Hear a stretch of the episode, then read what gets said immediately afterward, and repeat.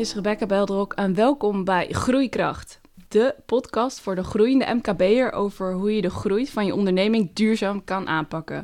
Over de struggles van het ondernemerschap en hoe je er mee om kan gaan. Dit is de pilotaflevering en ik ben best wel nerveus. Als je mij twee jaar geleden had verteld dat ik een podcast zou gaan maken, had ik je denk ik vierkant uitgelachen. Tegenover mij op audiëntie een test om te kijken of hij echt co-host kan worden. Zit projectmanager, communicatieadviseur, marketingmanager en arbeidsmarktdeskundige en eigen baas. Niels Huismans. En ook nerveus. welkom, welkom. Dankjewel. Ondertussen heb jij meerdere bedrijven opgericht en een boek geschreven. Je loopt ook nog fanatiek hard en staat graag in de keuken. En raadslid in de gemeente Alphen Hoe combineer jij dit allemaal tegelijk? Ja, een hele goede vraag.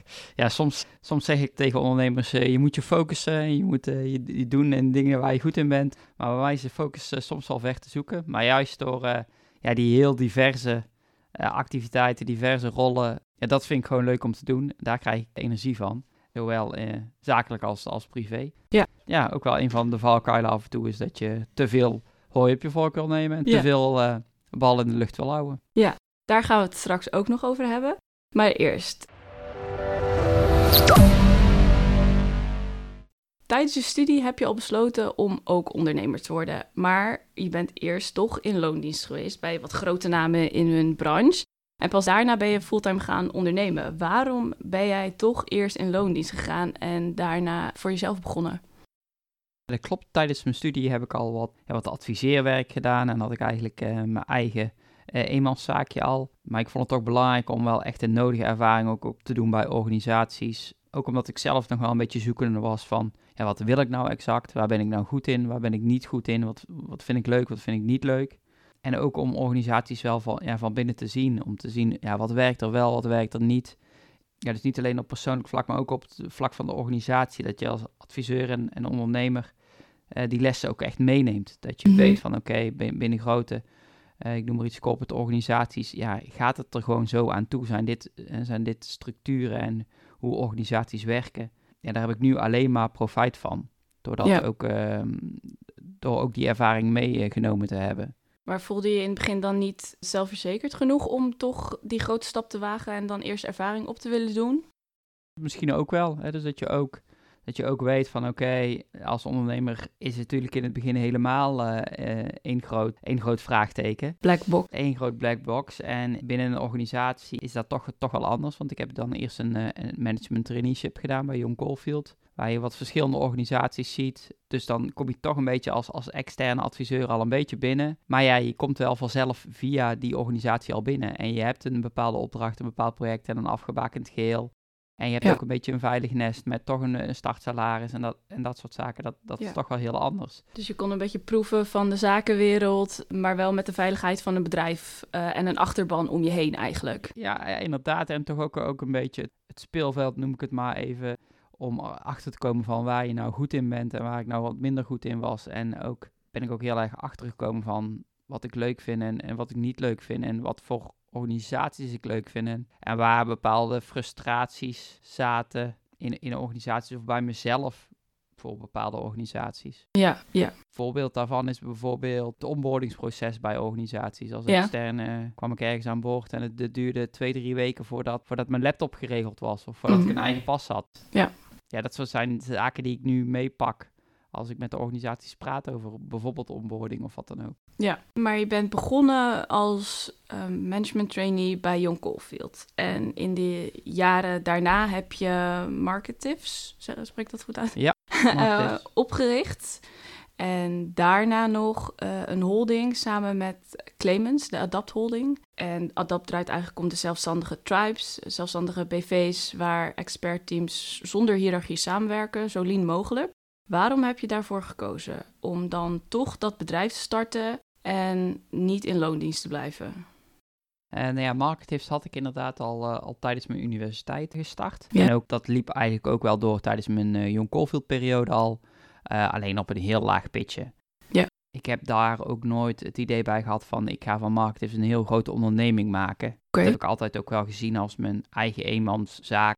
En op een gegeven moment is dat wel een, een BV geworden. Maar dat is ook omdat ik daarna dus inderdaad andere bedrijven gestart ben. Ja, meer fiscaal handiger. Onder andere, ja. Maar ik heb nooit het idee gehad met marketing. Dus wil ik echt, Dan wil je niet eh mee de markt in, tien mensen aannemen, Nee, dat echt heel groot maken. nee. Oké. Is eigenlijk ook een beetje gekomen als tijdens de periode aan de universiteit heb ik ook voor eh, Unipartners wat advieswerk gedaan. Dat is een consultancy clubje wat bij de universiteit zelf werkt en met studenten eigenlijk bedrijven helpt. En vanuit die optiek ben ik daar eh, eigenlijk in mijn eigen zaak ook consultancy advieswerk gerold. Ja. Nou ja, daarna ben ik eh, inderdaad met Clemenshuis het veld Adept begonnen.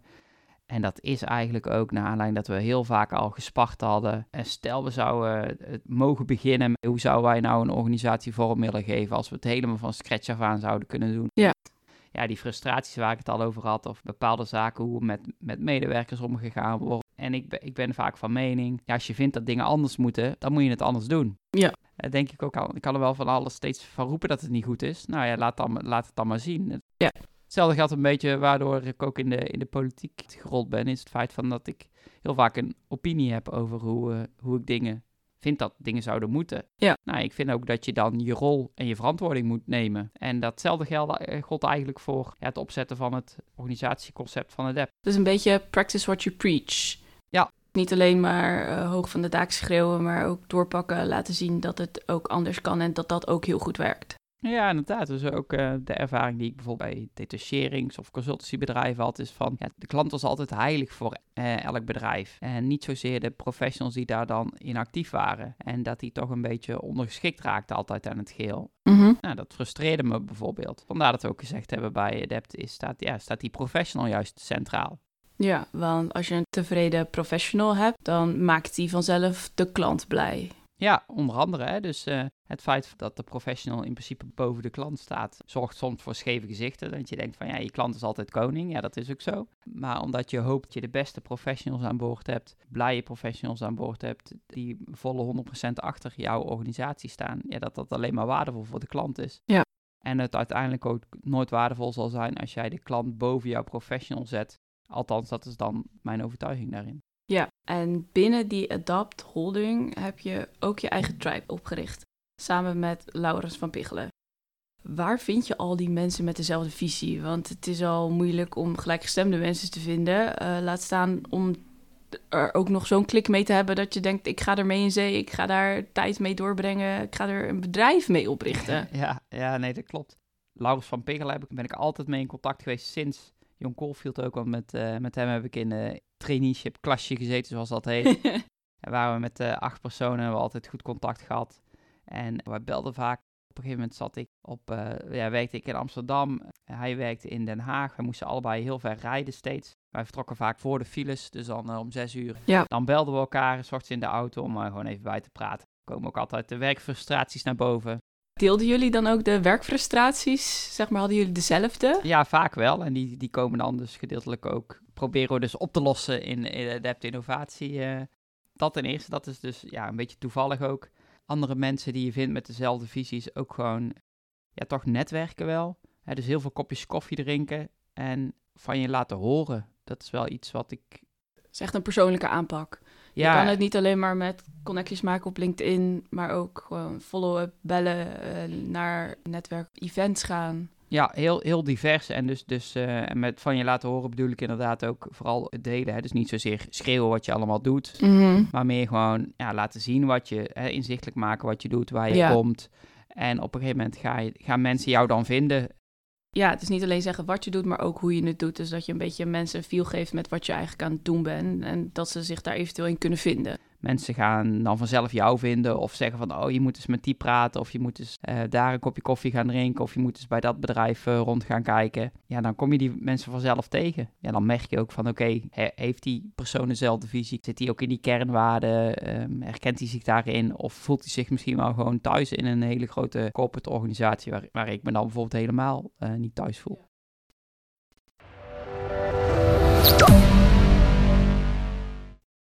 Wat, wat was de grootste struggle die je eh, samen met Laurens gemeen had toen de tijd? toch een beetje de, de bureaucratie, denk ik. En de traagheid van hele grote organisaties. Ja, dus de doorlooptijd van bepaalde dingen. En dat was wel een frustratie die we allebei uh, heel erg hadden. Had je dan ook het gevoel dat er dingen niet gedaan uh, werden, omdat, er, omdat het door zoveel lagen heen moest gaan? Of dat dingen dan stil kwamen te staan? Ja, inderdaad, gewoon er niet, niet eens doorheen komen. Of dat het een doorlooptijd zo lang is Hè, terwijl mensen eigenlijk gewoon wel, uh, wel willen. Dus dat één, maar ook wel dat er in, in organisatiestructuren, dat er gewoon mensen eigenlijk als het ware zitten die totaal geen toevoegde waarde aan het geheel uiteindelijk aan het doen zijn. Dus die alleen maar bezig zijn om hun eigen afdelingje te, op te zetten of te, te managen. En, en, dat, uh, en elkaar daarmee bezighouden. Dus elkaar bezighouden met allerlei interne zaken in plaats van, oké, lever je nou uh, waarde aan de klant of aan misschien aan jezelf wel, maar in ieder geval is er toegevoegde waarde voor wat ik aan het doen ben. Ja, dus je merkt een beetje dat binnen grote corporates mensen vooral op hun eigen eilandje van hun afdeling zaten. En mensen waren te veel bezig met communicatie ook tussen de afdelingen om ook echt gezamenlijk misschien iets uh, gedaan te krijgen. Dat is een van de, een van de vele, vele, vele, vele. vele frustraties. Um, maar dat is wel een belangrijke. Ja, dat is uh, een frustratie waar je tegenaan liep bij andere bedrijven. Maar wat is een struggle die je, of een uitdaging waar je nu voor staat als je kijkt naar je eigen onderneming? Dat opschalen. En we zijn nu met, uh, met zeven professionals. Als je dan kijkt naar de innovatie zelf. Dat opschalen zonder in de oude valkuilen te, te trappen. Wat voor valkuilen heb je dan? Nou, bijvoorbeeld dus zelf ook dus niet die, die bureaucratie en die procedures en die regels. En om zelf dus ook uh, lean en mean te blijven. Ja. ja. Want op een gegeven moment wil je toch wel dingen gaan vastleggen. Soms. Ook omdat dat makkelijk is voor als iemand, ja, als je onboarding van een medewerker hebt, dat je dan toch bepaalde dingen hebt vastgelegd. Ja. Uh, maar van, ja, van de ene kant wil je dat wel en van de andere kant uh, is dat ook wel heel erg uh, weer in mijn allergiezone. Ja. dus dat is wel een, een struggle waar ik soms mee zit van oké, okay, toevallig hebben we vanmiddag hadden we een call over, over ons sales funnel. willen we dat allemaal vast gaan leggen in een CRM-systeem? ja te nee. Nou ja, dat, daar heb ik dan wel mijn bedenking over en dat, ja, dat is wel een struggle af en toe. Ja, ja. Deelt Laurens deze struggle ook met jou? Nou, ik denk wel... Um, is hij een goede klankbord voor jou? Ja, zeker. Wij vullen elkaar heel goed aan in dit geheel. Hij is, we staan namelijk allebei wel ook wel anders soms in de wedstrijd. Alleen wij, ja, we kunnen daar juist dan goed over sparren en ook elkaar heel erg aanvullend op zijn. Ik noem maar iets. Laurens neemt het gedeelte van de administratie voor zijn rekening. Bij jou minder bureaucratie? Ja, uh, hij is daar ook beter in. Hè? Veel beter al, en veel secuurder erin bijvoorbeeld. Um, dus zo, ja, zo kunnen we die dingen ook goed verdelen en kunnen we elkaar daar ook wel uh, scherp in houden. Benadrukt hij soms ook wel dat sommige dingen wel belangrijk zijn om, om vast te leggen, omdat het dan gewoon nodig is. Ja.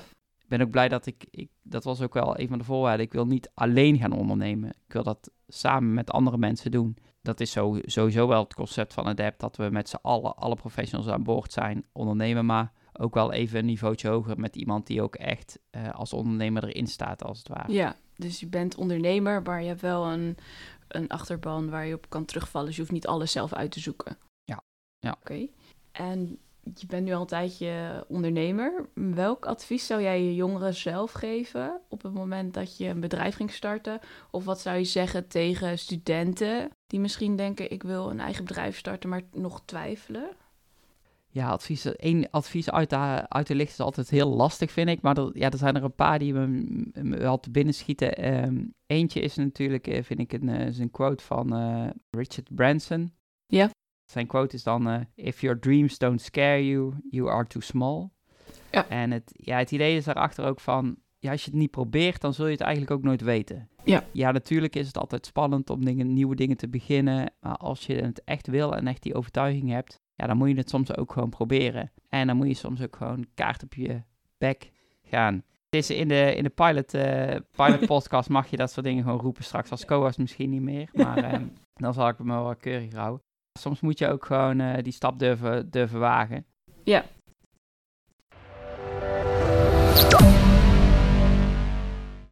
Zijn er uh, specifieke mensen, personen geweest waar je echt ah, iets aan hebt gehad op het moment op het gebied van ondernemen, waar je veel van hebt geleerd of die je door dik en dun hebben gesteund?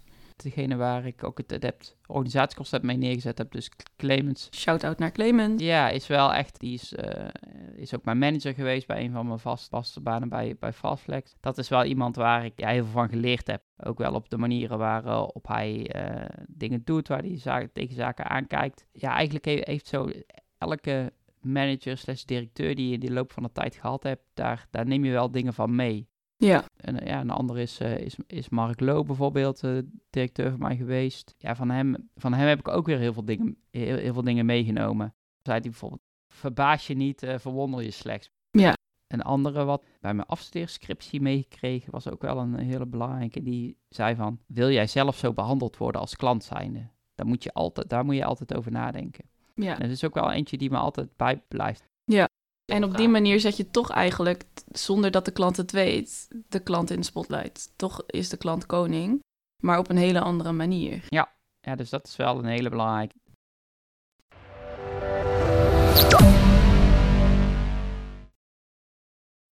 Wat zijn twee belangrijkste tips om aan de luisteraars mee te geven? Nou, twee belangrijke tips. Uh, laat ik beginnen met de eerste en dat is focus. Focus op. Focus. Focus op, uh, op van alles. Dus de, het, het, woord focus is een belangrijke in deze. Ja, uh, fo focus op de dingen waar je mee bezig moet zijn. Als, als ondernemer zijnde, als professional zijnde. Uh, maar ik bedoel daarmee ook met focus op bepaalde activiteiten. Dus stel je, er moet iets gedaan worden. Focus je dan heel specifiek daarop. En zorg dat je daar bijvoorbeeld tijd voor in je agenda blokt. En maak het dan af. we denken ja. allemaal dat we kunnen multitasken. We denken allemaal dat we uh, duizend verschillende klanten kunnen hebben. Nee, zorg voor focus. Zorg voor focus in je activiteiten. Zorg voor focus in je positionering. Zorg voor focus um, in je agenda. Al, dat is denk ik ultiem belangrijk. Dus eigenlijk uh, maakt niet uit wat je doet, groot of klein. Uh, zorg dat je er met de volle 100% aandacht aan besteedt. Ja, ja, eens. eens. Dat is denk ik extreem belangrijk. Ook um, als we zien dat we constant afgeleid kunnen worden. Um, nou, dus, dus, dus focus. Um, Zou je dan ook wel eens dat telefoontje van de klant niet opnemen als je ergens zeker. anders mee bezig bent? Zeker, zeker. Dus inderdaad, je hebt een bepaald blok, je gaat ergens gewoon mee aan de slag. Zorg dan dat je, dat, dat je je daarop focust, dat je daarmee aan de slag gaat. En uh, die, het is ook prima om die klant op een later moment terug te bellen. Um, en die krijgt dan ook dan de volle 100%? Die krijgt dan namelijk ook de volle 100% ja. aandacht. En dat is alleen maar uh, waardevol, denk ik. Het tweede, st uh, tweede stukje, of het tweede stukje, de tweede tip, denk ik, die, die ik wil meegeven, is het feit dat je altijd moet nadenken van wat ik nu aan het doen ben, levert dat toegevoegde waarde op? Hij levert dat toegevoegde waarde aan mijn, aan mijn klant of aan mezelf of aan mijn organisatie. Dus um, ja, ik ben in principe tegen uh, bureaucratie en heel veel procedures en uh, dingen vast te leggen. Maar als dat echt toegevoegde waarde heeft in het geheel, nou, dan, dan, dan, kan het toch van waarde zijn om het te doen. Ja. Maar bedenk steeds van, oké, als ik nou naar mijn agenda kijk, als ik nou zie welke dingen ik allemaal aan het doen ben, heeft dit dan daadwerkelijk toegevoegde waarde? Of, uh, ja, je kan tegen bureaucratie opzien, maar als er straks uitkomt dat het CMS-systeem wel toegevoegd waarde heeft, omdat het jouw medewerkers straks uh, twee uur per week scheelt, dan is dat zeker toegevoegde waarde. Eens, inderdaad. Hè? Dus denk, uh, ja, denk daar vooral over na van oké, ben ik de juiste dingen aan doen die, die toegevoegde waarde leveren aan of mezelf, mijn organisatie of de mensen met wie ik samenwerk of met het liefst met de klant natuurlijk. Um, dat is een, een, belangrijk vraagstuk waar je je steeds moet stellen. Ik denk dat heel veel uh, professionals, ondernemers, heel veel tijd en energie kwijt zijn met zaken die geen echte toegevoegde waarde hebben. Dus dat uh, is mijn, uh, mijn tweede tip. Okay. Dank voor je wijsheid. Ik hoop dat jullie er wat mee kunnen. Doe je er voordeel mee? Het laatste advies wat, wat ik nog jongeren, of in ieder geval mensen die, die zouden willen starten, ook nog wel even mee zou willen geven, is gewoon eentje die ik ook wel vaak roep. En dat is, ja, hussel. Je moet gewoon meters maken. Kost veel tijd, kost veel energie. Dat is wel nodig om te starten. En dan moet je ook realiseren. Mm. Kom niet, niet verwachten dat het uh, binnen een dag van de grond is. Nee, en het komt ook niet vanzelf. Het is superleuk. Het biedt heel veel uh, mogelijkheden. Het biedt heel veel voordelen. Ook wel nadelen, maar het, uh, you gotta hustle. Wat, wat zijn de nadelen? Nou, nadeel zijn is dat je ondernemer ben je eigenlijk altijd. je staat, heel, je staat wat meer aan, als het ware. Je radar gaat altijd uit naar nieuwe kansen. Van als je misschien bij een familiebijeenkomst bent, van die, je hoort iemand iets zeggen en denk je, oh, misschien kan ik daar wat mee. Ja, ja dus ja, je bent ook uh, in het weekend wel bijvoorbeeld aan het werk of s'avonds aan het werk ook. Dat is wel een nadeel van ondernemerschap. En een, een andere is ook wel, is dat je toch ja, ook wel een bepaalde verantwoordelijkheid hebt richting de mensen die bij jou uh, bijvoorbeeld in dienst zijn. Ja, dus financiële, uh, financiële verantwoordelijkheid, maar ook ja. wel... En wat vind je het voordeel ten opzichte van loondienst? Ja, vooral veel voordelen natuurlijk. maar buiten het feit van hè, dat je je tijd zelf kunt indelen, dat soort zaken. Want daar kunnen steeds meer mensen natuurlijk steeds beter. Maar ik denk een heel belangrijk voordeel is, ja, je kunt het helemaal inrichten zoals jij zelf denkt dat het goed is. En je kunt je daar zelf ook de schuld van geven als je het dus dan niet goed doet. Met je, je mensen zo omgaan zoals jij vindt dat dat goed zou moeten zijn. Ja. Dat is wel een hele belangrijke, denk ik. En ook je kunt met je klanten omgaan zoals jij dat goed vindt. Ja, dat, dat is wel een heel groot voordeel, waardoor je je daar ook helemaal fijn bij voelt als het goed is. Ja, je kan echt alles op jouw eigen manier doen. Ja, op je eigen manier doen. Ja, dan kun je ook alleen je, jezelf de schuld geven als dingen niet Ja, dat is ook wel zo. Soms wel een nadeel, maar in, in principe is dat wel uh, eenvoudiger. Nu kan je nog Laurens de schuld geven. En uiteindelijk, ja, omdat je dan met z'n tweeën onderneemt, dan kun je Laurens de schuld geven. En uh, als je maar genoeg uh, mensen aan boord hebt, zijn ook allemaal ondernemers, kun je die ook allemaal weer de schuld geven. Dus wat dat betreft lukt dat dan ja. aardig. Oké, dank voor je uiteenzetting. Lieve ondernemers, dit is het einde van onze pilot-aflevering. We horen graag wat je ervan vindt. Heb je onderwerpen waar we het echt over moeten hebben? Zou je graag willen aansluiten? Stuur ons een berichtje uh, via onze socials. Dan nemen we contact met je op. En we hopen dat jullie ook de eerste aflevering binnenkort gaan luisteren. Ik, hoop uh, dat ik dan als uh, co-host naast jou mag zitten, Rebecca. Daar ga ik nog even over nadenken.